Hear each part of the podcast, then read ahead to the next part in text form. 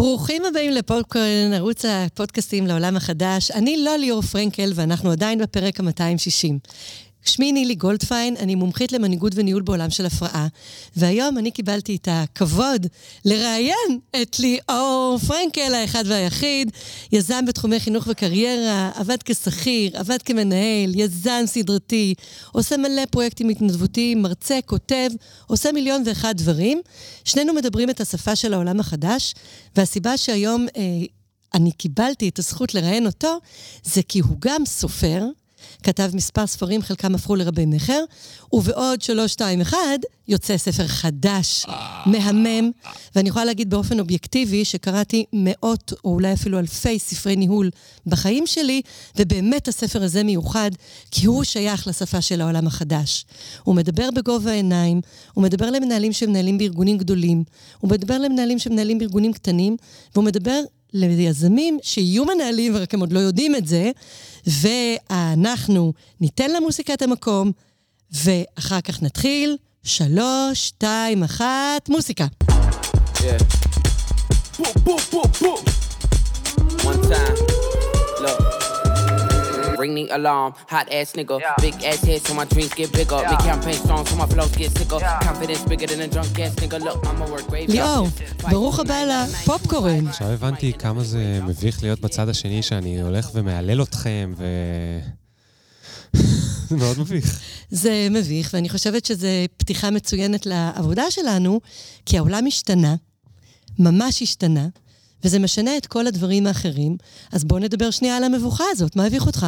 אה, שאת יודעת, אה, כל מיני טייטלים ותיאורים ו- וכל מיני דברים כאלה שמרגישים לי, את יודעת, לא יודע. אני לא יודע להגיד אפילו איך, איך להתייחס לזה. אה, אני חושב שאם זה קשור לעולם החדש, אני, יש לי טייטלים כאילו רשמיים, ואני אוהב אותם, אוקיי? אהבתי שאמרו לי שאני co-founder ושאני CPO וכל מיני כאלה, אבל זה לא באמת יורד לך, זה לא באמת האור שלך. מבינה מה מתכוון? כאילו משהו שהולך איתך, אבל זה לא האור שלך, זה לא באמת, אני לא מרגיש שזה אני. יש אותי, יש לי גם כל מיני טייטלים כאלה לפעמים, אבל לא יודע, הסברתי את עצמי? אה, כן, ונחמד שאתה נבוך, זה נחמד לראות אותך ככה. אמ, ואני רוצה להגיד שני דברים על העניין הזה. אחד, אני באה מחינוך דתי, אז הסיפור של יהללך זר ולא פיך, או והצנע לכת, הם דברים שאני למדתי בבית הספר. אבל אם אנחנו מדברים על ניהול, אחד הדברים שאני עושה עם מנהלים, זה ללמד אותם לא רק לעשות, אלא לדבר על מה שהם עושים, עושים כי היום בארגונים הקטע של לספר את הסיפור ולהלל את ההישגים שלך באופן אישי כמותג, או את ההישגים של היחידה שלך, הם חלק מהמטבע העובר לסוחר של ניהול בעולם החדש. כן. אז בוא אני אביך אותך ואאמן אותך בשידור בו זמנית. ליאור, כתבת ספר חדש, בוא תספר לנו כמה הוא טוב, מה יש בו? אמ, את רוצה שאני אספר לך למה כתבתי אותו? לא, אני קודם כל רוצה שתשוויץ. כי אני חושבת שאחד השיעורים הגדולים למנהל היום זה ללמוד לא להשוויץ במובן של האגו, אלא ליחצן את מה שהוא עושה, כי לכל מה שאנחנו עושים יש ערך. כן. אז בוא תספר על הערך של הספר לקוראים שלו. אז...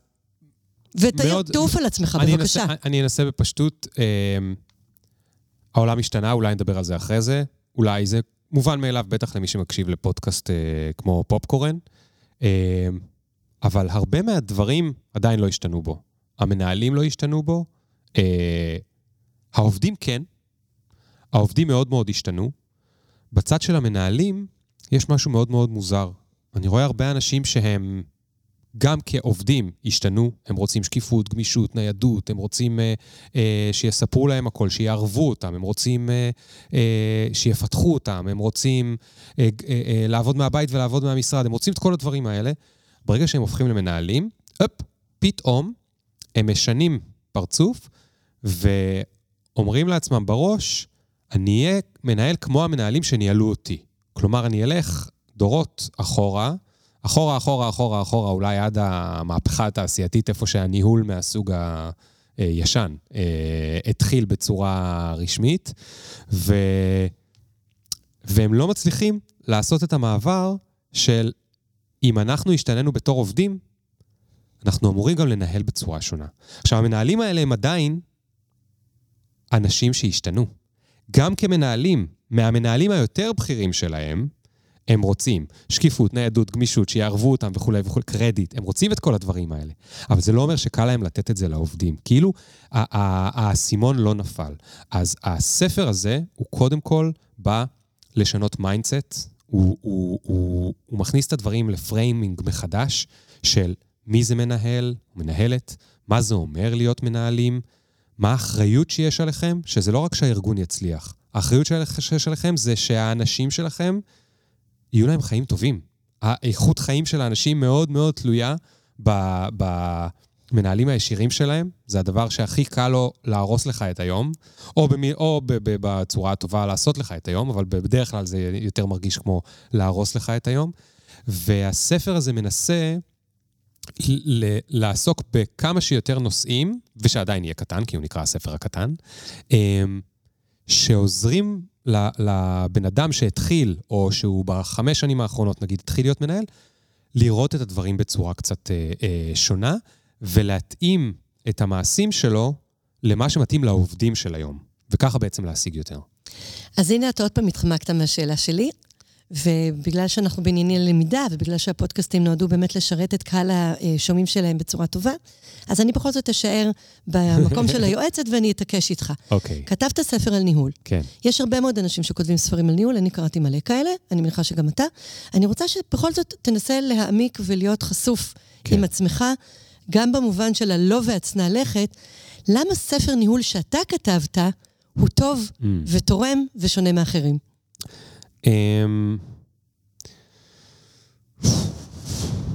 ככה זה כל פעם, כאילו, בפודקאסט, כאילו, אתה אמור לדבר על עצמך, וזה מאוד מוזר. אמ, זה לא תמיד ככה, אבל בגלל שאנחנו מדברים על ניהול, כן. ובגלל שאנחנו מדברים על ניהול בעולם החדש, כן. אנחנו מנסים לשנות פרדיגמות. כן. ואחת הפרדיגמות, שלפעמים גם באה מאגו בהפוך על הפוך, זה אני לא אדבר על עצמי, אני לא אדבר על הישגים שלי, כי אני שם את האגו בצד וכל מיני כן. כאלה. יש דרך לספר על עצמך דברים טובים באופן שמשרת את העניין, כן. שמשרת אותך כמישהו שצריך להוביל אנשים אחרים, כי אתה רוצה להוביל אנשים אחרים. כן. הם גם צריכים להרוויח. אז, אז אני אתחיל, אוקיי, אז אני, אני אשאר באגו, אבל אני אתחיל לא מלמה אני כן, אלא אני אתחיל מהווידוי. לא, לא תמיד הייתי מנהל טוב. אה, אם היה צריך לתת לי ציון בניהול versus מנהיגות, אז הייתי מקבל במנהיגות ציון קצת יותר קל, יותר טוב, יותר קל לי להוביל אנשים עם חזון, אני טוב בלצייר את הדברים האלה. בניהול הייתי קצת פחות טוב, וזה בגלל שלקח הרבה זמן עד שנפל לי האסימון שזה מקצוע. אה, והסיבה שאני חושב ש... אני יכולתי לכתוב ספר כזה, ובתקווה שהוא גם יצא טוב ובעל אה, ערך, הוא כי בשנים האחרונות, חמש, שש, שבע, נהייתי מאוד מודע להיותי מנהל, להיותם של אחרים מנהלים. נהייתי מודע, כאילו התחלתי לראות את המטריקס של מה קורה בינם לבין העובדים שלהם, ביני לבין העובדים שלי, מתי משהו נעשה בצורה טובה, מתי משהו נעשה בצורה לא טובה. הרבה מאוד איך פעולות בטווח הקצר משפיעות על הטווח הארוך. אה, אה, איך תעדופים של הטווח הקצר פוגעים בטווח הארוך, איך מערכות יחסים זה לא דבר שנבנה בשנייה, ובלעדיהם מאוד מאוד קשה אה, אה, לנהל בצורה אה, טובה. ובגלל המודעות הזאת, אה, הגיעה גם אה, אה, צניעות. הצניעות אמרה, אני רוצה ללמוד את הדבר הזה. התחלתי לקנות אה, אה, ספרים, התחלתי לדבר עם אנשים, התחלתי לעסוק בזה, התחלתי לחקור את זה, ועד כדי, את, את יודעת טוב מאוד, כי אנחנו עושים את זה לפעמים, היום ביחד, אה, להרצות בפני הנהלות ולפעמים הנהלות בחירות של הארגונים הגדולים בארץ, וסטארט-אפים וחברות הייטק וכולי. אה, ברגע שהתחלתי לראות אה, את הניהול כמקצוע, ומה יש בו באמת. והיופי הוא, זה שניהול זה לא מקצוע מסובך. זה כמובן קשה לעשייה, אבל התיאוריה עצמה היא לא מסובכת. התיאוריה עצמה היא די פשוטה. היא לא קצרה, היא ארוכה, אבל היא פשוטה להבנה. ומה שהרג אותי, זה שכל ספרי הניהול שאני מכיר, הם לא היו נגישים. היית צריך שלוש כוסות קפה כדי לעבור שעה של קריאה, באמת. בלי להעליב אף אחד ואף אחד ספציפי, אבל זה מה שקרה ברוב הספרים. למשל, הרווארד ביזנס ריוויו, אה, שאני פעם חשבתי עליהם שהם מיושנים, התוכן שלהם עצמו הוא חדשני, הוא מדהים, הוא מדבר על מנהלים הכי בעולם החדש שיש. אבל קשה לך בכלל לגלות את זה, כי כשאתה קורא את ה-tone and voice של המאמרים שלהם, זה הרבה פחות נגיש. הם כותבים כמו הרווארד, אז זה כתוב בשפה גבוהה, ומגובה בדאטה, ויש שם גרפים, ויש שם הסברים וכולי, אבל למי יש כוח לעבור את זה? למי יש כוח? מנהל עסוק, מנהלת עסוקה, רוצים רגע להשתפר, אתה מתחיל כי אתה, יש לך מוטיבציה, אתה אומר, טוב, אני אהיה יותר טוב בלתת פידבק, אני אהיה יותר טוב בלעשות חשיבה אסטרטגית, whatever, כל הדברים שמעסיקים אותנו מנהלים, אבל אתה לא מצליח לעבור חצי שעה של קריאה, ויש לך עוד שמונה שעות בספר הזה. אז רציתי לכתוב, ובזה אני לא אהיה צנוע, אני טוב בהנגשה, אני טוב בהפשטה, אני טוב בלדבר בצורה אה, חברותית ונקרא לזה בשפת יותר הרחוב, מבלי לזלזל באינטליגנציה של הקוראים. ואני חושב שזה, מעבר לאג'נדה עצמה של הספר, זה הערך הגדול של ה... ש... שהוא הערך המוסף ש... שיש לספר, שהוא קשור ללמה אני צריך לכתוב אותו. או אחרים, כמוני, אבל מאותו עולם של הנגשה. זה כבר היה הרבה יותר טוב, תודה. אוקיי. אז אה, היות ויש אנשים שקוראים ויש אנשים שמקשיבים, וכרגע אנחנו מדברים עם אנשים שמקשיבים, אז אתה מדבר על הקטע של ההפשטה, אתה מדבר על הקטע של ההנגשה, ואתה גם מזכיר שבאת מניסוי וטעייה. שהיית כן. מנהל פחות טוב, למדת לקח, ועכשיו כן. אתה מביא בעצם לקוראים איזשהו זיקוק של תובנות וניסיון של הרבה מאוד ארגונים שהיית איתם באיזשהו סוג של דיאלוג. נכון. אז בוא לטובת אלה שמקשיבים, שאני מקווה שגם אחר כך יקראו, אבל כרגע הם מקשיבים. תנצל את היתרונות הגדולים שלך, של לדקק ולזקק, ובוא תיתן לנו קצת טיפים טובים למנהל בעידן החדש, שכתובים בספר, אבל אתה יכול להגיד לנו אותם עכשיו בצורה אה, שאנשים יכולים להקשיב לה גם. מדהים. אמ, אני חושב שהדבר שה, הראשון הוא באמת ההסתכלות של העבודה שלי כמנהל, וסליחה שאני אדבר רק בלשון זכר, אבל אני אדבר על עצמי וככה יהיה לי על זה הנחה, אוקיי? ההסתכלות, של, ההסתכלות שלי הייתה כמנהל פעם, אני צריך לעשות משימות ואני צריך לדאוג שמשימות יבוצעו. העבודה של מנהל היא הרבה יותר גדולה מזה, קודם כל, גם פעם ידעו את זה, למרות שזה לא היה obvious, אבל ידעו את זה. מנהל עושה גם ביצוע, וגם תכנון, וגם בקרה, וגם דיווח. ובזה הסתיימו העבודות של המנהל של פעם. זה עדיין הרבה מאוד, וזה עדיין היה קשה מאוד לנהל תמיד, אבל בזה זה הסתיים. הדבר הראשון שצריך להבין הוא שהיום יש עוד הרבה פרקים חדשים שחייבים אותם, אוקיי? העובדים של היום לא נאמנים כמו פעם. כי פעם האלגוריתם שלה, שלהם היה, נמצא עבודה טובה, יקבל קביעות ויישאר שם עד הפנסיה. היום הם רוצים כל שנה, שנתיים, שלוש, ארבע לעבור עבודה. אז למשל, יש לנו כמנהלים משימה חדשה שנקראת שימור עובדים. זה לא משהו שעושים בשנייה האחרונה כשמישהו עומד לעזוב אותך, כי אז זה מאוחר מדי. זה משהו שצריך להיות מודעים אליו כל הזמן. זאת אומרת, אם אני מסתכל על המשימות שלי ואמרנו, תכנון, ביצוע, דיווח אה, אה, אה, וכולי, בקרה, אז יש לי עוד אחת עכשיו. אני צריך לעבוד על שימור עובדים כל הזמן. עובדים היום הם גם, כולנו הפכנו להיות יותר פרודוקטיביים מבחינת ה... בגלל הטכנולוגיה וזה, לא ניכנס לכל הסיפור הזה, אבל אנחנו יכולים לעשות יותר בפחות זמן מאשר לפני 20, 30, 40, 50 שנה, בזכות המחשב וכולי, והאינטרנט ו... אמ, אבל זה לא אומר שיש לנו מוטיבציה להיות יותר פרודקטיביים, אוקיי?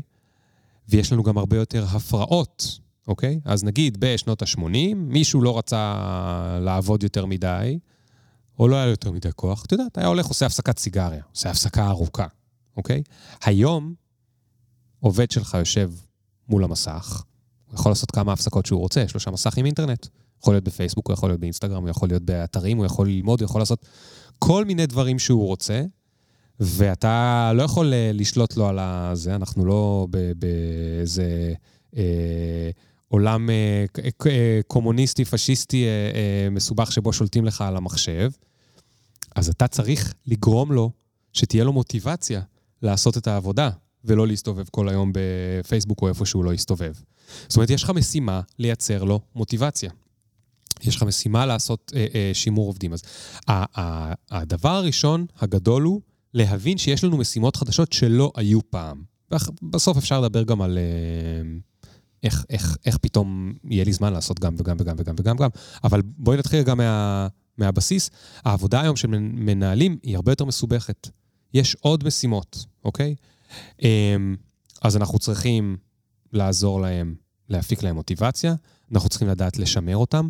זה אומר שאנחנו צריכים להבין מה מניע אותם, אנחנו צריכים להבין לאן הם רוצים להתפתח, כדי לעזור להם להתפתח לשם, אוקיי? ולא להתעלם מזה ולחשוב שהם פשוט אה, יישארו כי הם נחמדים. אנחנו צריכים ל, אה, ללמוד להיות איתם אה, שקופים, כי הם היום נמצאים בסביבה של אה, טוויטר וויינט ו- ועוד אין ספור דברים. העובדים של פעם, את יודעת, היו ניזונים משמועות. היום אנחנו נמצאים בסביבה שבה אין משהו שאני לא יודע. כולם יודעים איפה אה, אה, אה, ביבי או יאיר לפיד נמצאים בבוקר ומתי איפה הם בצהריים. זה לא דוד בן גוריון של פעם, שעשה מה שהוא רוצה, ואחרי שבוע הוא סיפר, השבוע ביקרתי ב... לא יודע איפה. היום כולם יודעים הכל ברמת הדקה, וזה מה שהם מצפים גם במקום העבודה. עכשיו, למנהלים זה נורא קשה. איך עושים את זה במקום העבודה, באיך אני שקוף עם מה קורה עם מקום העבודה, אם יש דברים שאסור לי לספר, יש דברים שהם דיסקרטיים וכולי. אבל בכל אופן, לזה הם מצפים, וצריך להבין את זה, הם מצפים לשקיפות. והם מצפים לתקשורת כנה, אוקיי? אמ, ואני בכלל לא מתחיל לדבר, אולי נדבר על זה אחרי זה, על עולם פוסט-קורונה. כי עולם פוסט-קורונה מוסיף עוד ערימה של משימות חדשות שלא היו פעם, שזה להצליח להתמודד עם הרצון שלהם לגמישות, להיות בבית, בעבודה, בעבודה, בבית, לצאת בשתיים, לחזור בשש. הם עובדים גם בעשר בלילה לפעמים מהטלפון, אז למה שלא ניתן להם לצאת בשתיים? הסיפור הזה הפך להיות מאוד מאוד מסובך. אמ, אבל שוב, אני חוזר, הדבר הראשון הוא להבין, יש לנו משימות חדשות כמנהלים שלא היו קיימות לפני 10, 20, 40 שנה, ואנחנו צריכים לדעת אה, איך, אה, איך לעשות אותם ואיך להתמודד איתם. אני רוצה טיפה להקשות עליך. כן. אתה מדבר על מנהלים מהסגנון הישן, תכף נדבר על מה זה בדיוק אומר, אתה מדבר על מנהלים בסגנון החדש, ואתה אומר, הספר עוסק הרבה מאוד במיומנויות של מנהל בעולם החדש. כן. שאיננו מתייחס לעובדים שלו כאל אחד יחידת דליברי, אלא מתייחס לעובדים שלו כאל יצורים הוליסטיים, שמביאים את הצרות שלהם לעבודה, שרוצים שיראו אותם, שרוצים שיפתחו אותם, במקביל לעובדה שכמנהל אתה צריך לדאוג שה... המטרות או המטלות, יעדים. אה, היעדים יושגו, ויושגו בצורה שגם העובדים יהיו מרוצים ולא רק הארגון. נכון. עכשיו אני רוצה לדבר על תקופת ביניים. אני לא מתייחסת כרגע לקורונה, כי מבחינתי הקורונה היא אפיזודה בעולם החדש. היא אפיזודה שכרגע עוד כואבת לנו, כי עוד באזור אנחנו גם רואים את ההשלכות שלה, בהרבה מאוד אה, השלכות רחוקות, אבל אני עוזבת את זה שנייה בצד. אני עובדת בעיקר עם תאגידים. אתה מגיע מעולם הסטארט-אפים יותר, אני מגיעה יותר מהעולם התאגידי, אבל גם בסטארט-אפים שכבר נהיו קצת יותר מובנים והביאו איתם אנשים מהעולם התאגידי, ובוודאי בעולם התאגידי, המנהלים בדרגים הבכירים, שהם המנהלים של המנהלים בדרגים הזוטרים, הם מנהלים מהעולם הישן, כן. שחלקם לא ישתנה. כן. בואו נודה על האמת. כן. תיתן להם את הספר שלך, תרצה להם, תדבר איתם, הם יקראו מה שאתה רוצה. יש, אומרים, כן, אתה לא יכול ללמד כלב ישן טריקים חדשים. יהיו כאלה שישתנו ויהיו שלא. ככל שארגון גדול יותר וותיק יותר, יש יותר מנהלים מהדור הישן שלא השתנו, בדרגים של מדרגי הביניים ומעלה. יש מנהלים בדרגים הנמוכים ובדרגי הביניים שאו מגיעים שונים או שמשתנים, ומי שמנהל אותם זה מנהלים מהדור הישן. אז אתה מצפה מהם לעשות משהו שהוא מאוד אה, מאתגר, להיות מנוהלים בדרך הישנה ולנהל בדרך החדשה. כן. אני רוצה שתתייחס לקוויז הזה, כי הוא קוויז קשה ופרקטי בעיניי. נכון, נכון. אז תראי, קודם כל, זה לא אני מצפה מהם. אני מציע להם אלטרנטיבה. יהיה להם קשה ליישם אותה ב-150 אחוז בתוך יום אחד, זה ברור. אבל uh, את, את מכירה את המושג ממטיקה? לא. ממטיקה, uh, נראה לי שמי שטבע אותו זה צ'ארלס דוקינס מהגן האנוכי. אז יש גנטיקה. גנטיקה זה איך הגנים שלנו עוברים מדור לדור לדור לדור לדור, ו- ואנחנו יכולים להסתכל עליהם ולהבין איך ה-DNA בנוי וכולי וכולי וכולי. ממטיקה, שזה נשמע כמו גנטיקה, מם זה כמו uh, מחשבה, אוקיי?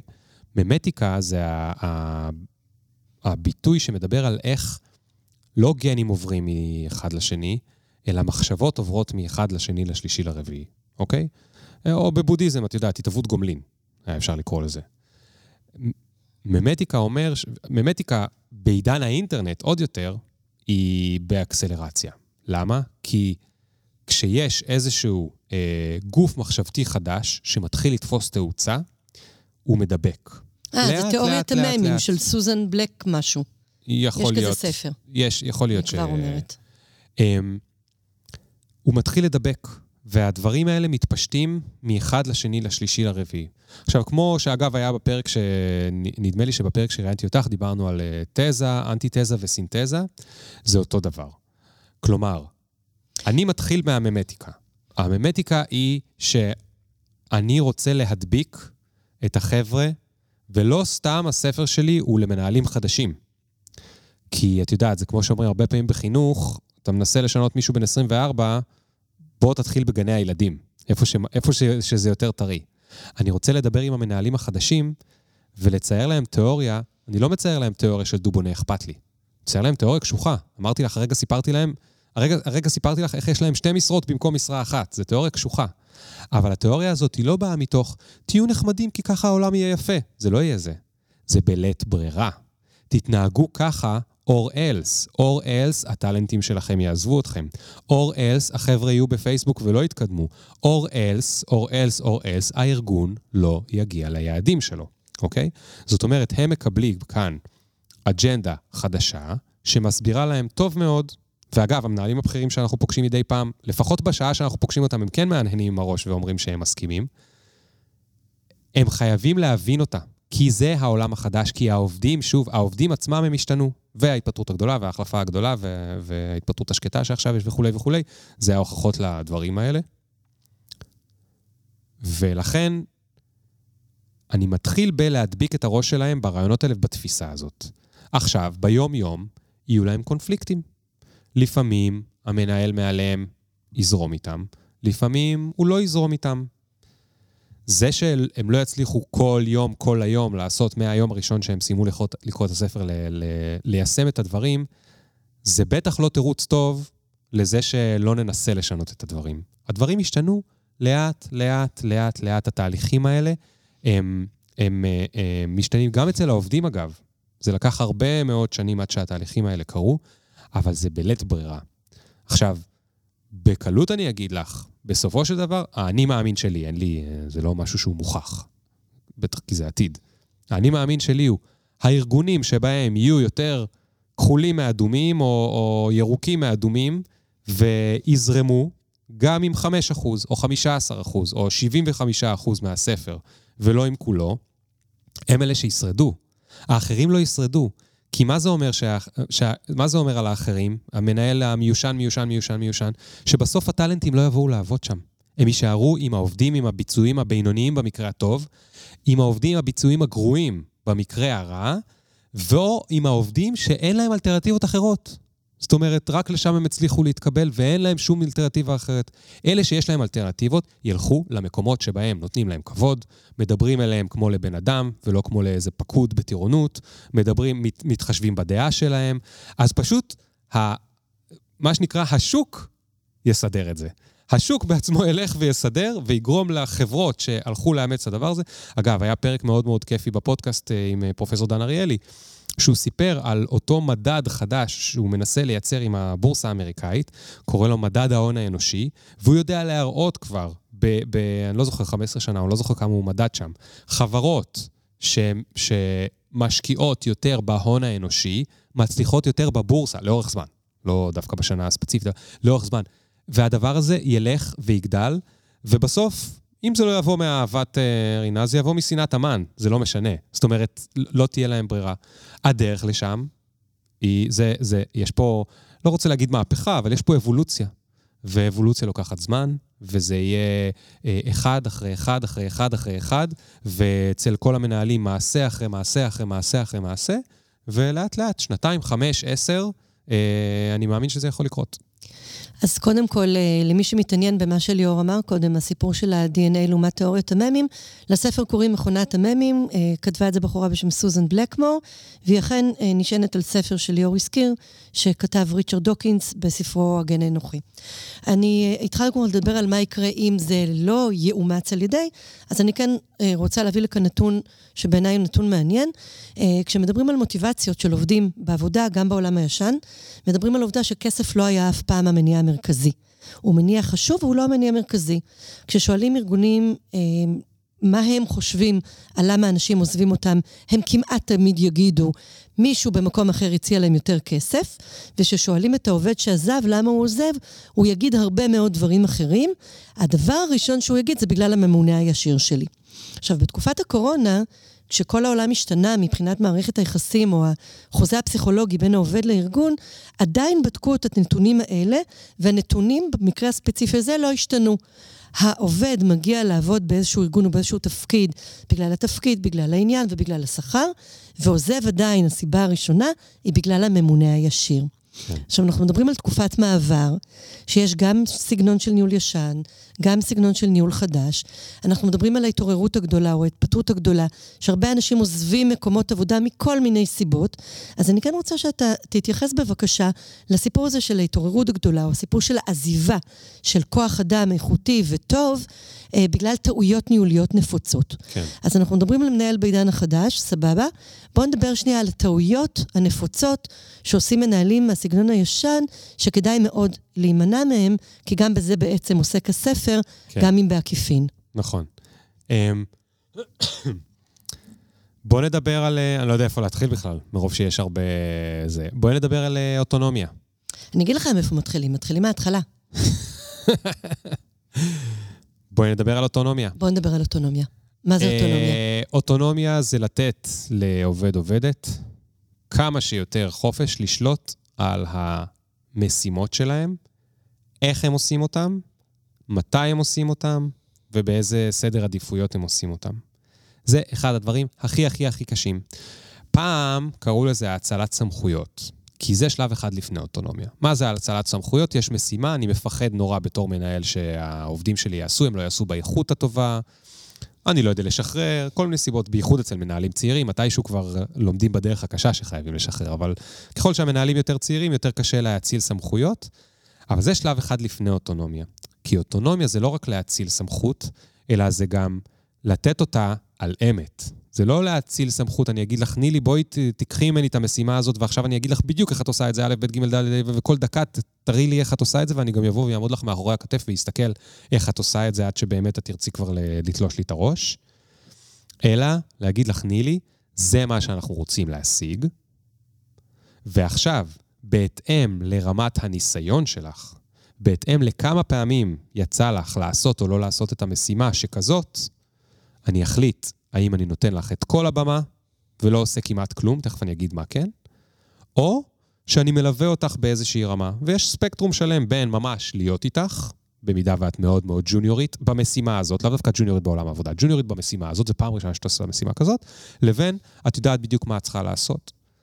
עכשיו, יכול להיות שאת תעשי את זה אחרת ממני, יכול להיות שתעשי את זה יותר טוב ממני, יכול להיות שתעשי את זה פחות טוב ממני. מה שבטוח, שחררת אותי, המנהל, מהזמן שהייתי עושה את המשימה הזאת בעצמי, ואז לי יש יותר זמן להתעסק באסטרטגיה. שוב, אנחנו מדברים, זה ספר למנהלים חדשים, מנהלים יותר צעירים בשנה, חמש, עשר הראשונות שלהם, מתקשים להרים את הראש מהאדמה ולעשות חשיבה אסטרטגית. המילה אסטרטגיה נראית להם משהו כזה שהוא או בולשיט, או הם לא הבינו בכלל מה זה אומר.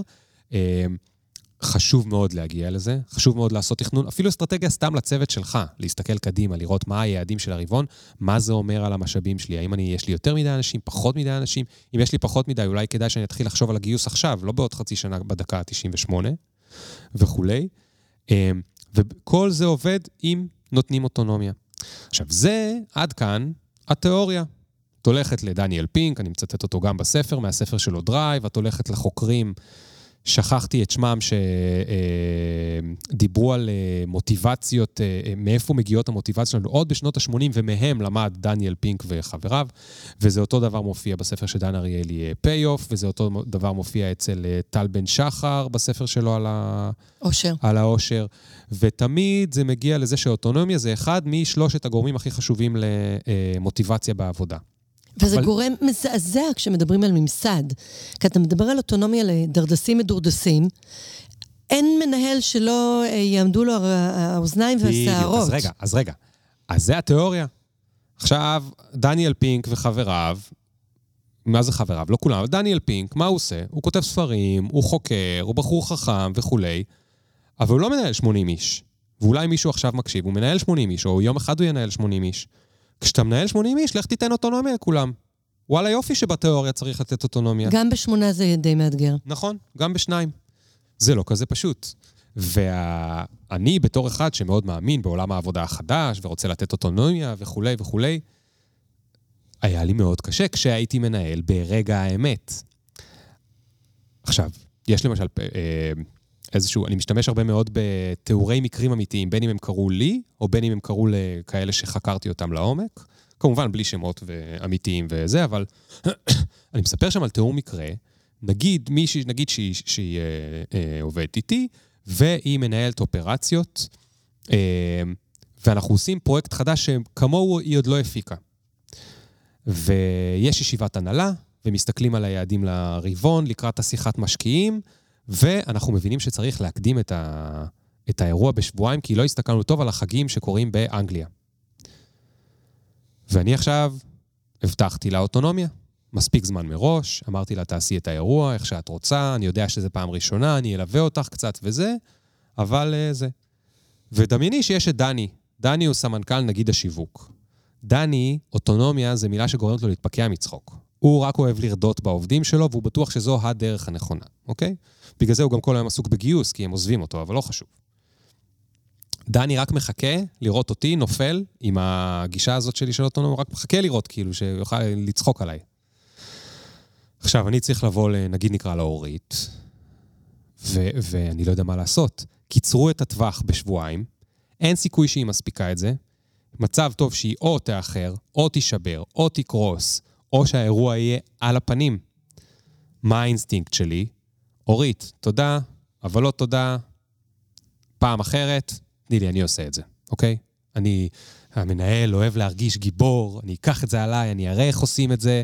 אני גם על הדרך אזכיר להם איך עושים hands on, טעות שעשיתי הרבה פעמים, כליאור, אני מודה.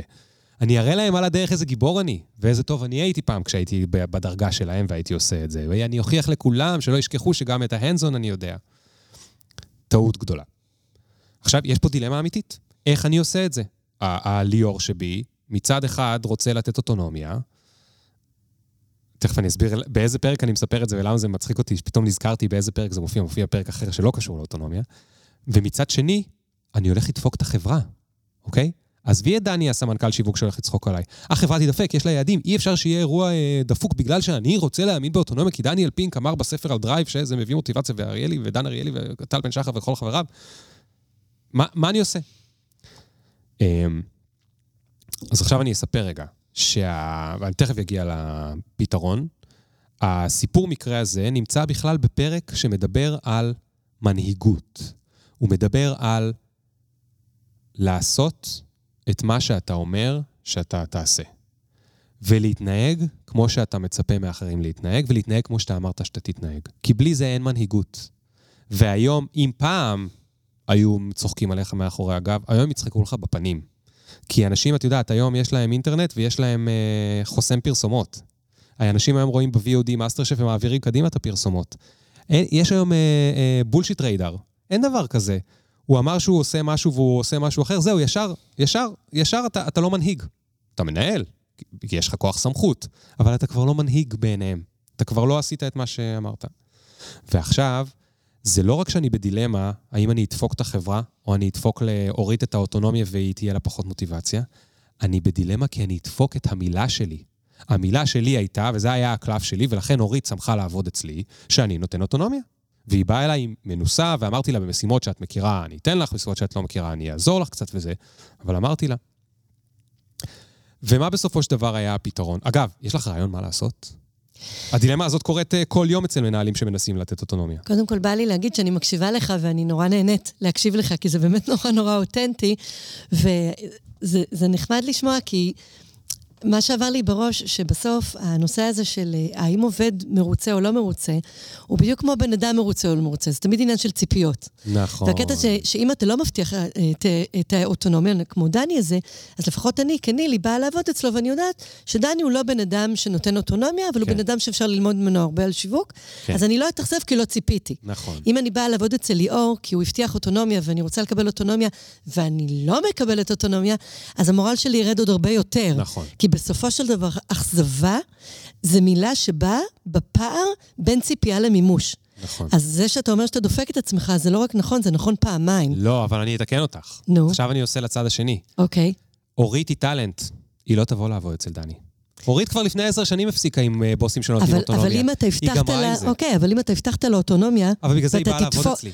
ואם היא באה לעבוד אצלך, כי הבטחת לה אוטונומיה, ואתה לא תיתן לה אוטונומיה, נכון, היא תדפק פעמיים, נכון. והיא תכעס עליך פעמיים. נכון, כי היא מצפה, נכון, זה מה שאני אומרת. נכון. אתה תעשה לזה היא באה, בגלל זה היא double באה אליי. fuck. בגלל זה היא באה אליי. כן, נכון, ככה השגתי את ה talent. נכון. אז מה אני עושה? אני, אני לא רוצה לתת פתרונות, אבל אני אוקיי. הייתי במצב הזה המון המון פעמים. אני יכולה להגיד שממה שאני ראיתי שעשו מנהלים בסיטואציה הזאת, מנהלים הטובים, אני לא מדברת פה על הפאקים שעושים, פה אני מדברת על המנהלים הטובים, הם אספו את כל הצוות שלהם, כי אורית היא לא אחת, בדרך כלל. הם אספו את כל הצוות שלהם, הם שיתפו באותנטיות את הבעיה, כי מה לעשות, העולם הוא לא מושלם, ובעיות קורות, ומשברים קורים, ואי אפשר לצפות שהעולם יהיה מושלם. שיתפו באותנטיות את המקום, שיתפו באותנטיות את הדילמה, ובדקו עם האנשים מה לעשות. מהמם. בארגונים הטובים, עם המנהלים הטובים, לקחו את כל הצוות, פינו אותו ממשימות אחרות שיש להם דיליי, והתמודדו עם הסיטואציה באמצעות של לשים כתף.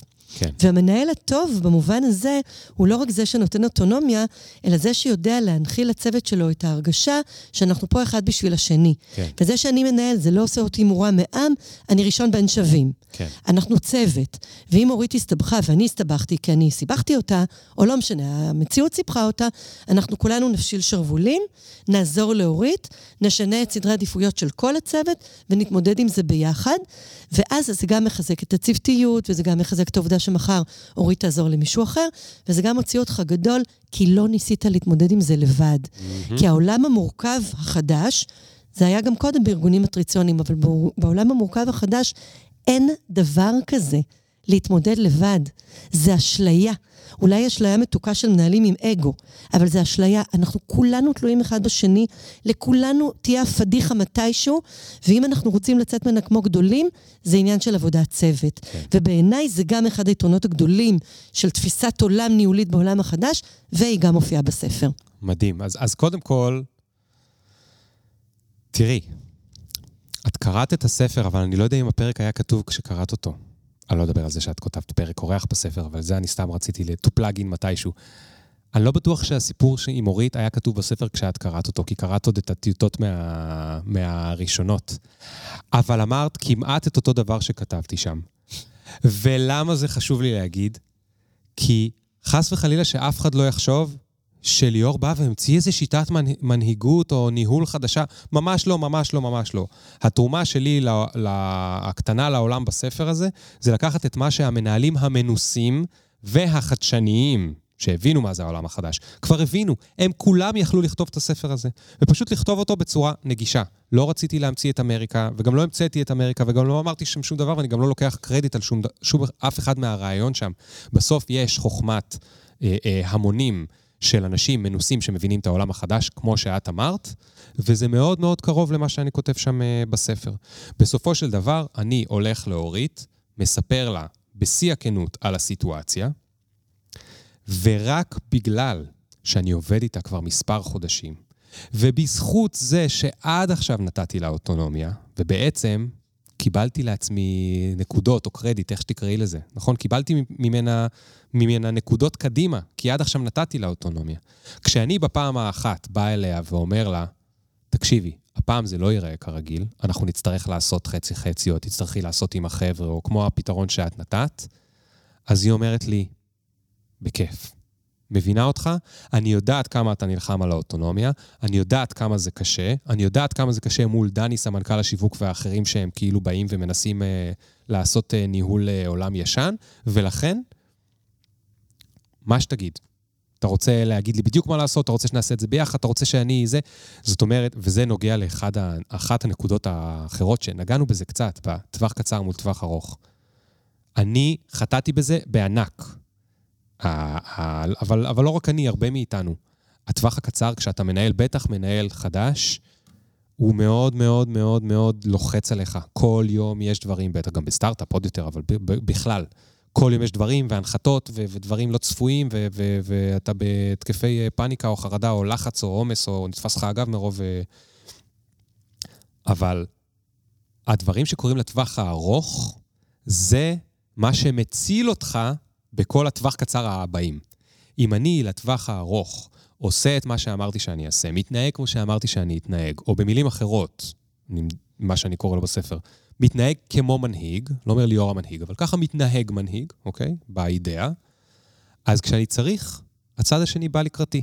וזה היופי של מערכות יחסים שהן אה, ארוכות טווח, וזה היופי של אה, עובד שהוא לומד להעריך מה שאתה אה, עושה בשבילו. אז אני רוצה להיכנס לנושא הזה של האותנטיות והשקיפות, כי הזכרת את זה עכשיו, אני באה להוריד באותנטיות ושקיפות, ולדבר על מקרה שקרה לפני כמה שבועות והתרוצץ ברשתות ועורר הרבה debate, מנכ"ל שפיטר אנשים, ועלה לשידור חי ובכה דמעות אה, שליש על הפיטורים וסיפר כמה אומלל וכמה זה היה לו קשה. חלק אמרו איזה יופי, הוא אותנטי, הוא שקוף, הוא מנהיג בעולם החדש, וחלק אמרו, יאללה, איזה טמבל. מה, זה העניין עכשיו? אתה עם העבודה, הם נשארו בלי עבודה, כן. מה אתה מתבכיין? כן. אז אני רוצה לשאול אותך, עד איפה הולך הסיפור הזה? זה כמו הורים קצת. אני חייב לשאול אותך קודם כל מה את חושבת על זה. סליחה שאני מתפרץ, אבל אני באמת... זה היה... זה היה... אתה ראית את ה debate הזה. בטח. The Crying CEO קראו לו. זה היה מה זה מגניב. כאילו, אני מצטער, מתנצל ממנו וממי שפוטר שם, אבל האירוע הזה היה אירוע מגניב. אמ, סתם מעניין אותי, כאילו, נכון, בקטנה, מה, מה... אני, אני אשתף בשמחה. קודם כל, אה, כשזה קרה, אני הייתי בחופש, אז לא קראתי כל כך הרבה כמו שהייתי קוראת אם לא הייתי בחופש, כי אחד הדברים שבעיניי חשובים מאוד למנהל בעולם החדש זה להיות מדי פעם בחופש ולהתנתק. כי כשאתה יוצא מהדרמה ואתה חוזר לדרמה, אתה רואה דברים בפרספקטיבה, וזה בעיניי תכונה מאוד חשובה למנהל בעולם החדש. תמיד היה נכון, נכון יותר. אבל אני כן אגיד לך מה אני חושבת על הסיפור הזה. אה, בתחילת הקורונה, המנכ"ל של Airbnb, עלה לשידור וכתב מכתב לעובדים שלו. הוא גם הייתה לו דמעה בזווית העין. הוא היה צריך להתמודד עם פיטורים של הרבה מאוד אנשים. זה היה ב lockdown הראשון, ולא ידעו באמת לאן זה הולך. והוא היה ברור שכל חלום חייו מתרסק. והוא היה גם סוג של crying CEO, רק הוא עשה את זה אחרת. ואני הסתכלתי על ההוא, שאף אחד כבר לא זוכר, כי לאנשים יש זיכרון קצר, קצר, והסתכלתי על ה-current אה, CEO בוכה, ואני ראיתי כן הבדל ביניהם. הרגשה שלי, סובייקטיבי לגמרי. כן. שהמנכ"ל של Airbnb עשה את זה כי זה באמת נורא נורא כאב לו, הוא עשה כל מה שהוא יכול בשביל להיות ממלכתי ולהדחיק את הרגשות שלו, או להביע אותם בצורה אה, אה, מנוהלת וממותנת. ואני חושבת שה-current uh, crying CEO עשה את זה בצורה uh, קצת יותר מדי מוחצנת, והיה לי ברור שהוא מסתכל על עצמו מהצד ואומר לעצמו, ככה אני מדמיינת את זה. איזה מגניב אני, איזה אותנטי אני. כמה זה יפה שאני גבר ואני משתף רגשות. וגברים כבר לא בוכים בלילה, הם בוכים בשידור ישיר. כן. והייתה לי הרגשה מאוד חזקה של אה, אה, ריקוד אה, קטן בתוך האגו. והמנכ"ל שבכה של Airbnb עשה את זה באמת כי הוא אה, ראה את חלום חייו מתרסק, כי הוא פיטר אנשים שהלכו את הדרך והאמינו בו, ובעיניי זה היה אותנטי. כן. אז אני חושבת שגם לרגשות, לאותנטיות ולשיתוף בקשיים שלך כמנהל, יש פרופורציות, יש זמן, יש מקום, יש מצב, ועדיין בעיניי מנהל אמור להיות המבוגר האחראי. כן. אוקיי, אז אני אגיד לך את דעתי. קודם כל, מה שאמרת מאוד מעניין. אה, יש פה שני דברים שונים. אחד, אני גם בתחושת בטן, אני לא מכיר לעומק את שני הסיפורים, לא את Airbnb, ו... זאת אומרת, קראתי על, אבל אני לא חבר שלהם, או יש לי חבר שלהם. גם אני לא. יש לנו חברים משותפים, אז אני לא מכיר ממש. ממבט מרוחק, נראה שזה הסיפור. ב-Airbnb פיטרו מאות או אלפים, ההוא פיטר איזה שלושה אנשים מהמשרד שלו. יש הבדל בין הוצאתי מכתב לחברה לבין תמונה שלי עם הדמעה בלינקדאין. מרגיש כמו, או חשוד, בשימוש ציני ברשת חברתית לטובת אה, לייקים. אה, תראי, בגדול, אני מאוד מאוד מאוד מאוד אוהב את הטרנד במקרו. במקרו זה מצוין, כן, גברים בוכים בלילה, לא בלילה, זה מצוין, שיתחילו לבכות, שיבכו יותר, לכולנו יהיה יותר טוב, אוקיי? אה, וגם גבר שבוכה בלינקדאין ומשתמש בזה צורה צינית, זה מקדם את מטרת המקרו. אז בזה אני, בזה, את זה אני אוהב. האם צריך לרחם על מנכ"ל שפיטר עכשיו הרבה מאוד עובדים? המנכ"לים, החברים שלו והשותפים שלו לעסק צריכים לרחם עליו, העובדים שלו, כנראה שלא. יש להם צרות יותר גדולות. יש לי פרק אה, שנקרא, אימא'לה, אני צריך לפטר. כי כשאתה מנהל חדש ואתה צריך לפטר פעם ראשונה או שנייה או חמישית, אתה באמת לא ישן איזה שבוע. אמ, ויש שם את הסיבות לפיטורים. יכול להיות בגלל קיצוצים ו- וזה, ו... הסיבות נחלקות לאלה שהם, זה עובד עם ביצועים לא טובים, לבין אלה שזה, זה עובד עם ביצועים טובים, אבל היית חייב לפטר אותו. עכשיו, מה שניסיתי, לאחד הנקודות, יש שם הרבה מאוד נקודות שאני עובר עליהן, ואחת הנקודות הייתה, זה שהיית חייב לפטר אותו, זה כאילו לכאורה קצת פחות נורא לאגו שלו, מאשר אם פיטרת אותו בגלל ביצועים לא גרועים. ואתה עשוי או עלול בטעות, בגלל שזה כאילו קצת פחות נורא לאגו שלו, להתרכז בעצמך ולהגיד לו, אני מסכן, וזה, שוב, אני פוסל במומי פוסל. גם אני יצא לי פחות ממה שאני, שאני מרשה אה, לעצמי היום, אבל יצא לי קצת, את יודעת, אתה עושה את השיחה ואתה על הדרך גם משיג קצת רחמים לצד שלך, או אמפתיה גם לצד שלך. אני חושב היום שהייתי צריך לעשות את זה עוד, לא עשיתי את זה הרבה, אבל הייתי צריך לעשות את זה עוד פחות. כי הצד השני זה נכון שהאגו שלו לא ייפגע בשני הזה, אבל חייו הולכים להשתנות. הוא עכשיו בלי עבודה, הוא יצטרך עכשיו למצוא עבודה, הוא חוזר למקום הרגיש של מישהו שמחפש עבודה, מישהו שנכנס ללינקדאין או ללוח אה, משרות, הוא צריך לשים את עצמו על הבמה, הוא צריך ללכת לרעיונות עבודה. אם הוא הורה, הוא צריך ל- ל- למצוא איך הוא מתפרנס, יכול להיות שהוא לא יישן בלילה. וואלה, היה לך קשה, בסדר. זה לא באמת צריך לעניין אותו עכשיו. לך לקולגות שלך, לך למנהלים אחרים, לך לחברים שלך בבית, תבכה, תספר, תקבל רחמים, תקבל אהדה, תקבל אמפתיה, תקבל ליטופים, אם אתה צריך, אבל עזוב את העובד בשקט. עכשיו, הפעמים שבהם זה כן קרה לי, אני לא מנסה לתרץ, אני רק רוצה להגיד, לפעמים אתה באמת הופך להיות חבר של העובדים. חבר באמת. אני לא יודע מה דעתי על זה אגב, אבל אתה הופך להיות חבר באמת. ואז יכול להיות שיש לזה קצת מקום. כי הם גם ככה ראו עליך כבר מזמן שמשהו עובר עליך. זה מוביל אותי ל... לשמחתי, הצלחתי לשכנע כמה מכם, אנשים מוכשרים כמוך, אה, לכתוב פרקים אורחים. אה, את כתבת על ה-90 הימים הראשונים בתקופה, ורן שביט, אה, מנהל מדהים, שעבדתי איתו, ב...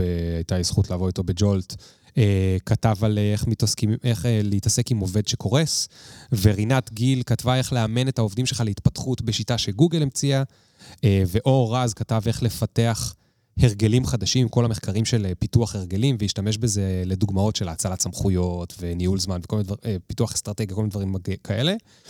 ואיריס שור, יזמית שבנתה שלושה סטארט-אפים מתוכם, עשתה שני אקזיטים, סיפרה על להיות פגיעים במקום העבודה. מתי והאם כדאי להיות פגיע למרות שאני הבוס? עכשיו, היא מדברת לא על אה, בוס קטן, היא הבוס הגדול, היא היזמית, היא המנכ"לית. שהיא תבוא בתור מנכ"לית ותגיד, יש לי יום רע, היה לי יום רע. פרק מרתק, אה, שהיא מספרת בו על הבעד ועל הנגד ועל המתי ועל הזה וכולי, אבל גם שם היא, היא מסבירה, הם יודעים שעובר עליך יום רע. אתה לא צריך להשתמש בזה, ובטח לא בצורה צינית, כדי לסחוט מהם אה, אהדה, או חס וחלילה לסחוט מהם עבודה, אוקיי? נגיד כשאנחנו מפטרים, יש עוד חודש עד הפיטורים לפעמים. עכשיו, החלק הקפיטליסטי שבראש שלך אומר, רגע, אבל יש לי אותו לעוד חודש. מה, הוא עכשיו לא יעבוד חודש? אני עדיין משלם לו משכורת אחת, ואפילו אחר כך עוד עם... וואי, לא... כאילו, אתה לא נעים לך להודות במחשבה הזאת, אבל המחשבה שלך היא, אולי הוא יספיק לעשות עוד משהו.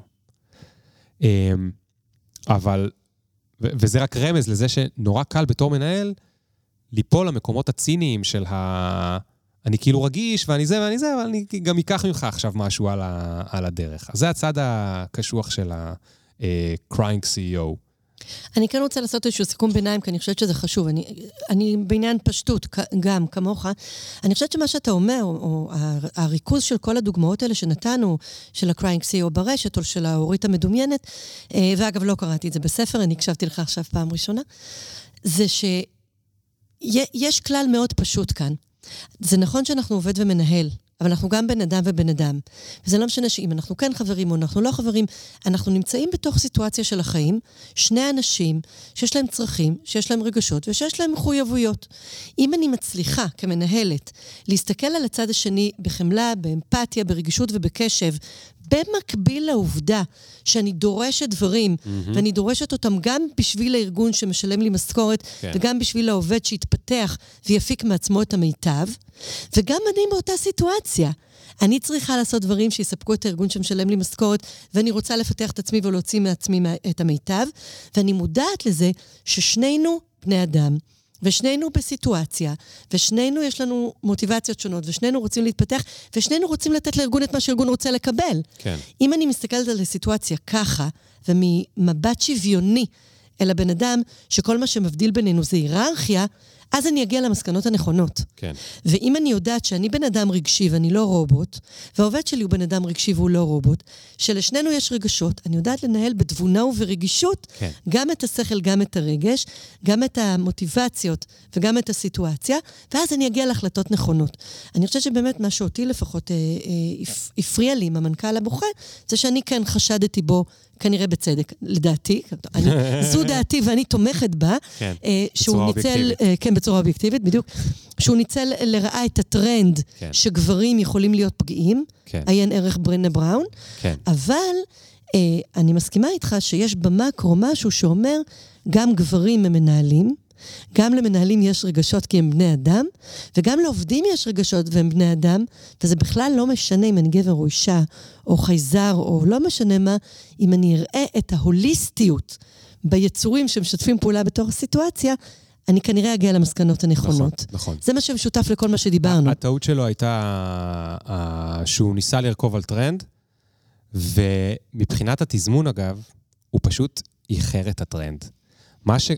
מה שהוא חטף זה בגלל שכבר היה עוד אחד בוכה, ועוד אחד בוכה, ועוד אחד בוכה, ועוד אחד בוכה, שהרשת שלנו בימינו היא צינית ואכזרית. אתה עושה משהו כמה פעמים וזהו, לח... לחבר'ה נמאס. אז הוא הגיע כאילו בתזמון, אם הוא היה מגיע לפני שנה, אולי זה היה בסדר, אבל הוא הגיע עכשיו, ולחבר'ה כבר נמאס uh, שמנהלים מרחמים על עצמם, והוא היה one to many, מה שנקרא. ולזה אני יכולה להוסיף הערה בטאבו לספר המנהל הקטן ולמנהלים בכלל, בטח אם מדברים על מנהלים חדשים, אל תרכבו על טרנדים. הספר הקטן, לא המנהל הקטן. סליחה, הספר הקטן, חס ושלום. ספר קטן, מנהל גדול. אל תרכבו על טרנדים. אל, תל, אל תרכבו על טרנדים. מה את מתכוונת? תני דוגמה. אני מתכוונת שאם אתה גבר ואתה מנהל ואתה חושב שזה יהיה נורא נורא אותנטי ומעורר אמפתיה ולייקים, לבכות בסיטואציה שבאה לך לבכות, כן. אל תעשה את זה. אל תעשה את זה כי זה טרנדי. כן. אם במקרה יצא לך שנפלה לך דמעה או נפלחה, נפתה לך צעקה, אל תעשה את זה כי זה טרנדי, תעשה את זה כי זה אותנטי. כן. ואם עשית משהו בטעות, או טרנדי או אותנטי, שפוגע במישהו אחר, לך תתנצל. כן. הכי פשוט בעולם. כן. זה אחת העצות שהכי אהבתי מהפרק שלך ל... לזה ש... עם הדיבור על האגו. נכון, נתת את הציטוט של אושו, שהאגו הוא... האגו הוא דבר הג... נפלא, בתנאי שהוא זוכר שהוא משרת, שהוא משרת ולא, ולא אדון. נכון. ואת אומרת שם, בצדק, אתם הולכים לטעות הרבה. אתם הולכים לעשות פדיחות. אתם הולכים uh, להעליב בלי שהתכוונתם. אתם הולכים uh, זה.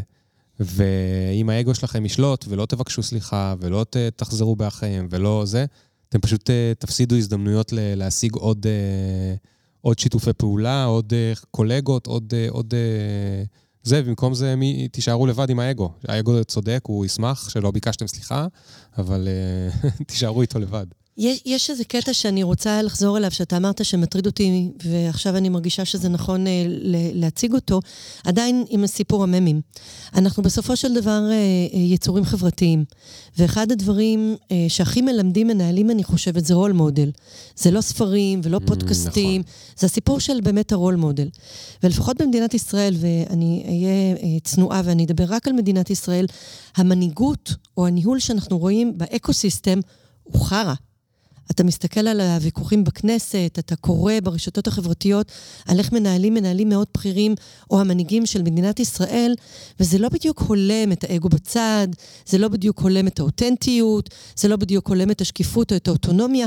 אנחנו רואים מסביבנו ב ecosystem דוגמאות לא טובות למה זה מנהיגות וניהול, כמו שאתה מדבר עליהם. אבל זה מתחיל להשתנות, אנחנו גם מתחילים לראות הרבה דוגמאות טובות.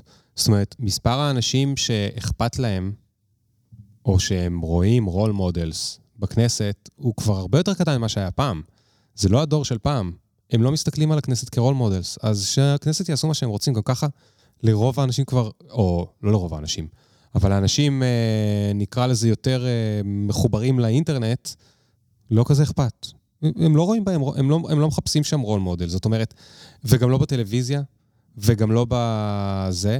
להפך, יש כבר כל מיני גופים אה, כלכליים כאלה ואחרים, מדינתיים, ממשלתיים כאלה ואחרים, שתמיד צריכים להוכיח שהשימוש, ש, שכל מה שהם עושים הוא לא ציני. זאת אומרת, קודם כל מסתכלים ואומרים, זה ציני, מה שהם עושים הוא ציני, זה ניצול, ועכשיו הם צריכים להוכיח, ומדי פעם הם מצליחים, שדווקא לפעמים מנסים לעשות דברים באמת, רק בשביל כסף או וואטאבר, אבל לא בצורה צינית של על חשבון. זאת אומרת, אנשים הם הרבה יותר חשדניים, ומתחילים לראות כל מיני רול מודלים חמודים כאלה. סתם למשל, אה, תומר אביטל, בחור שהיה פה בפודקאסט אחת פעמים, הוא עם דגל השקיפות, הוא רץ ומקדיש את חייו, בחור מתוק, חכם, אבל הזיה. הוא מקדיש את חייו להעלאת השקיפות בכנסת. זה מה שהוא מקדיש את חייו. הוא רץ אחרי חברי כנסת והוא מנסה להשפיל אותם ברשת לאלה שלא מסכימים לחשוף את הקלנדר שלהם, ונותן נקודות לאלה שמסכים לחשוף את הקלנדר שלהם. הוא, הוא סיפר לכולם שיאיר לפיד אה, כמעט לא היה בכלל בכנסת בשנים אה, לפני, ש, לפני הממשלה הזאת, והוא סיפר לכולם איפה ביבי כן היה ולא היה, ואיפה כל מיני חברי כנסת אחרים היה ולא היה. הוא מחפש לאיפה הכספים שלהם נעלמים, הוא מחפש לאן הם אה, נוסעים. בן אדם ששם על אה, דגלו, מה זה חורט על דגלו? הוא מקדיש את החיים שלו. זהו, הוא עזב את העבודה, אז זה היה הפרק איתו. לפני מלא זמן, אני חושב, לפני 200 פרקים או משהו. עזב את זה וממה הוא חי? מעמותה שהקים בשביל השקיפות, ש... ולפני זה הוא היה חי מכל מיני כאלה, אה, איך קוראים לזה? קיקסטארטרים. הדסטארטרים אה, של אני, אה, אני, אני אעשה עוד ככה וככה וככה שקיפות, בואו אה, זה. או... אה, אה, לובי 99, אה, הייתה פה גם לינוי דויטש, וואו. לובי 99, מקדישים את חייהם לבוא לכנסת ולעשות לוביזם שהוא אנטי ללוביזם של הארגונים אה, הקפיטליסטיים. איזה יופי. זאת אומרת, לשמחתי, ולכן אני אופטימי פה, את צודקת שהדרך היא עוד ארוכה, אבל היא לא ארוכה כמו פעם, אנחנו, אנחנו באמצע איפשהו. יש כבר יותר ויותר role models, כמו לינור דויטש, כמו תומר אביטל, כמו כל מיני חבר'ה כאלה, שהצעירים שנמצאים ברשת, הם רואים אותם, והם לומדים מהם, כאילו, יש גם כאלה שהם כנראה דוגמאות שליליות, אני לא יודע, האח הגדול ו- וכולי, אבל הם רואים גם role models לאיך אפשר לעשות היום דברים אחרת, פותחים להם את הראש, ובקיצור, אני אופטימי. אני מאוד שמחה שאתה אופטימי, אני רוצה לדבר על משהו קצת פחות נחמד. כן. אחד הדברים שאתה מדבר עליהם בספר, ואני חושבת שהם אה, נכונים לדבר עליהם בכל מקום, בטח כאן, זה הסיפור הזה שבאמת התחלתי אותו קצת קודם, לעשות טעויות. הרי כשאתה מנהל צעיר, או שאתה מנהל לא מנוסה, או כשהמציאות סביבך משתנה, או כשאתה מנהל יותר מנוסה אבל עברת לארגון אחר, ואז בוודאי הסיטואציה השתנתה, אתה עושה טעויות. אין מה כן. לעשות, זה חלק מהחיים. כן. איך אנחנו מתמודדים עם טעויות היום בניהול? האם ההתמודדות עם טעויות הוא שונה ממה שהיה פעם, מה שאתה קראת לו הניהול המסורתי או הניהול הישן? אמ, קודם כל, בפועל, הוא, יש ספקטרום מאוד מאוד מאוד מאוד גדול. בקצה אחד, יש את הארגונים ה... נקרא לזה מסורתיים ביותר, בייחוד אם בהנהלות שלהם עדיין יש אג'נדה של לא מודים בטעויות מלמעלה, אז גם עד למטה קשה מאוד להודות בטעויות. בקצה השני, רגע, אני אעזור רגע את הקצה השני ואישאר שם. שם הדרך שבה הייתי עושה את זה, אם אני הייתי עכשיו, היה שואל אותי מנהל אה, שני, מנהל דרג ביניים או מנהל זה, היה אומר לי, אני בחברת, mm, אצלי המנכ"לים בחיים לא מודיעים בטעות, בחיים לא. אם אני יודע בטעות, כל המנהלים עליי אה, יאכלו אותי. מה הייתי עושה שם? הייתי אומר לו, אוקיי, אל תהיה אה, אה, צודק, תהיה חכם. למעלה, אל תודה בטעויות. תתחיל מלהודות בטעויות למטה. לעובדים שלך, בקטנה. זה לא שהם כאילו יעשו מזה איזשהו אה, טררם. תעשה את זה בפניהם. תייצר לך איתם מערכות יחסים יותר חזקות. אם יעברו שנים ואתה תתקדם בארגון, אז אתה, לפחות בחלקה הקטנה שלך, התחלת לעשות את השינוי. לא רק אתה תקודם, גם החבר'ה שהיו אה, עובדי צוות שלך קודמו, ולכן יותר ויותר אנשים בארגון יהיו, זאת אומרת, אם זה היה 0%, אז עכשיו זה יהיה 4% או 16% של אנשים שראו רול מודל אחר, אוקיי? אה, בספקטרום השני, יש לנו דווקא מקומות שכבר עברו שינוי מאוד מאוד גדול. יש Fuckup אה, Nights, אם את אה, מכירה, אה, ושאר אה, אה, מתודות ה... אה, הנה פדיחה שעשיתי ובוא נשמע. בפודקאסט שלי אתה מתחיל הרבה פעמים את הפרק מלספר פדיחה. מקומות שבהם זה יותר הסטארט-אפים, יותר המקומות, ה, נקרא להם החדשניים, שבהם להודות בטעויות זה לגמרי חלק מהעניין. בטח במקומות הטכנולוגיים, כי כשאתה, אני בא מעולם המוצר, כל מה שאנחנו מנסים כל היום, זה ללמוד איך להודות בטעויות יותר מהר, כדי שנעלה כבר את הגרסה שהיא מתוקנת. אם אנחנו מתעקשים שהגרסה הקודמת היא בסדר, למרות שאנחנו רואים שהיוזרים לא באים, או שהם באים ולא משתמשים, אנחנו דופקים את כולם. אז אצלנו, אנחנו דווקא מתרגלים כל הזמן להודות בטעויות, כי ככה מתקדמים הכי מהר. אני חושב, ואפרופו, פרק שהיה לא מזמן עם אה, שותפך מ-NGG, אה, רם יאולוס, אה, בגלל עידן הדחיפות שהוא דיבר עליו, בגלל הנושא הזה שהשינויים קורים בקצב יותר ויותר ויותר ויותר מהיר, שזה העולם החדש, מה שאני קורא לעולם החדש, הדבר הזה של להודות בטעויות, הוא, אני אופטימי שהוא יסתדר גם אם ההנהלות האלה לא יודו. זאת אומרת, לא יהיה אפשר, את יודעת, טעות זה, כשאתה לא מודה בטעות, אתה, איך אתה לא מודה בטעות? אתה מטייח אותה. הם, הם לא יספיקו לטייח וכבר הסיבוב הבא יגיע. הם לא יספיקו לטייח וכבר הסיבוב הבא יגיע. זה כבר תהיה בדיחה, כאילו, מבינה? על זה היה לי לקוח, היה לי לקוח מהמם, קראו לו ישראל בן חיים, הוא ניהל את נתב"ג. אני לא יודעת כמה אנשים מבינים, כי אנחנו כולנו עוברים בנתב"ג, כמה קשה לנהל את המקום וואי, הזה. וואי, וואי. זה אחד התפקידים הניהולים הכי קשים שאני נחשפתי להם בחיים שלהם, וישראל בן חיים עשה את זה מצוין, למדתי ממנו הרבה. והוא, אה, אחד הדברים שהוא היה אומר זה, אה, לא מתקנים טעות בטעות. והדבר השני שהוא היה אומר... רגע, ש... מה הכוונה? שלפעמים אתה עושה טעות, ואז אתה מטייח. ואז כשאתה מטייח, אתה יוצר הרבה מאוד נזקים אחרים. אז זה לתקן טעות בטעות, והוא היה אומר, יש טעויות שמתקנות את עצמן. כן. שאתה לא צריך אפילו להתערב, זה יקרה לבד. אז מה שאמרת על האצת הקצב, האצת הקצב קשה להרבה מאוד אנשים, זה באמת קשה. אבל, זה, אבל בתכל'ס זה מה שקורה, כן? שינוי ממד הזמן, וזה סוג של דבר שקורה, שמסדר הרבה מאוד דברים אחרים, ומסדר הרבה מאוד פדירות אחרות, כי כמו שאתה אמרת, אין זמן בכלל לטייח, כבר עוברים לטעות הבאה. כן. אז uh, ישראל בן חיים, באמת, תודה. um, אנחנו ממש כבר מתחילים להיות קרובים לסיכום, אז יש uh, uh, עוד שני דברים שאני הייתי רוצה לסגור איתך. יאללה. אני, היות ואני כבר מנהלת איתך שיח אה, ארוך טווח, אני רואה שאתה מאוד מאוד מקפיד על אה, הטיות של זכר ונקבה. זאת אומרת, אני באמת חושבת שאותנטית, יש לך המון המון כבוד לאיכויות שמביאות נשים מנהלות, שמביאות נשים עובדות, שמביאות נשים בכלל לאקו-סיסטם של הארגונים החדשים. ואני כן הייתי רוצה לשמוע ממך, גם לטובת המאזינים והמאזינות שלנו, אם יש לדעתך הבדל כלשהו בקטע בין אה, ניהול גברי לניהול נשי, והאם אתה מתייחס לזה בספר. אני לא מתייחס לזה בספר, בכלל. בכלל, בכלל, בכלל. אני השתדלתי לכתוב בלשון רבים, מנהלים ולא מנהל מנהלת וגם לא עם הנקודה, כי זה קשה לקריאה רק בגלל זה. אני אוהב את הסגנון הזה, אבל פשוט לא קריא, אז העדפתי על בסיס הקריאות.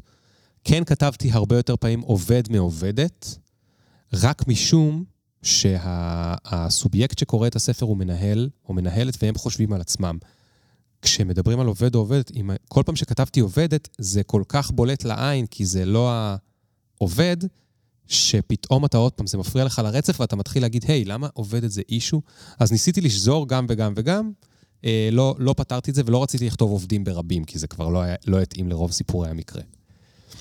אז לא התייחסתי לזה בספר.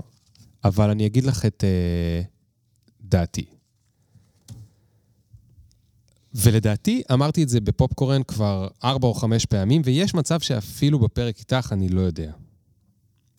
כשמסתכלים על הצרכים של העובדים בעולם החדש, שוב, ניידות, שקיפות, גמישות, אה, אה, אה, מה יש שם עוד? אה, אה, משוב מתמשך, אה, התפתחות. אה, הומו לא, אדפטוס. הומו אדפטוס, ההסתגלות, חוסן, גמישות מחשבתית וכו' וכו' וכו'. מסתכלים על הצרכים שלהם. אם את שואלת אותי אם היה אפשר לבחור,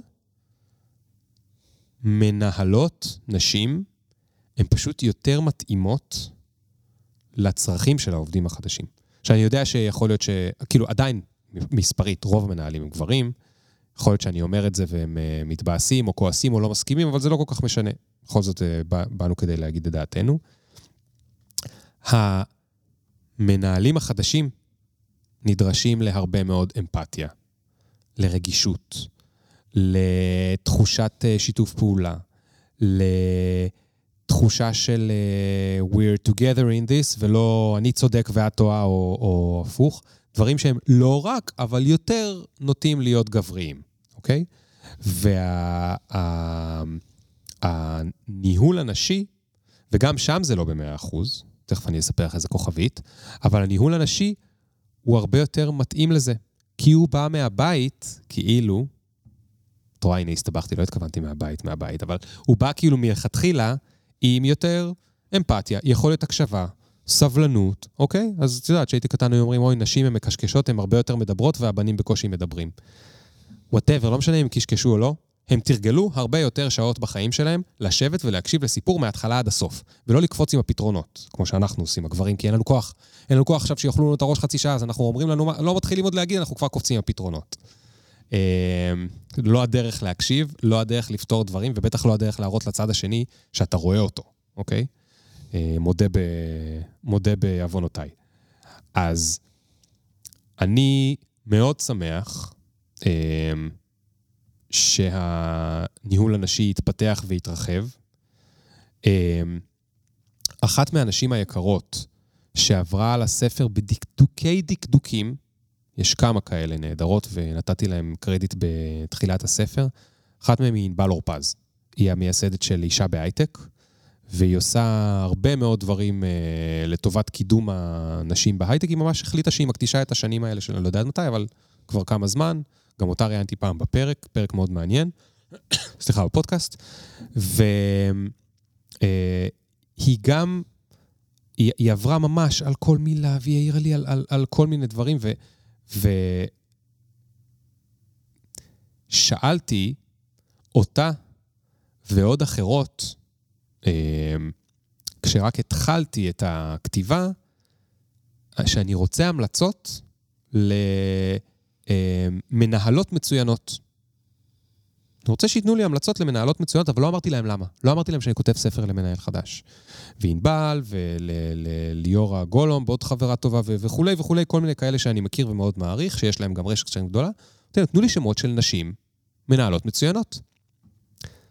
מה היה האינסטינקט שלהם? לתת לי שמות של מנכ"ליות מצוינות. השאלה שלי הבאה הייתה, האם האנשים שעבדו אצלהם היו שמחים לבוא לעבוד אצלם שוב? הם אמרו לי לא.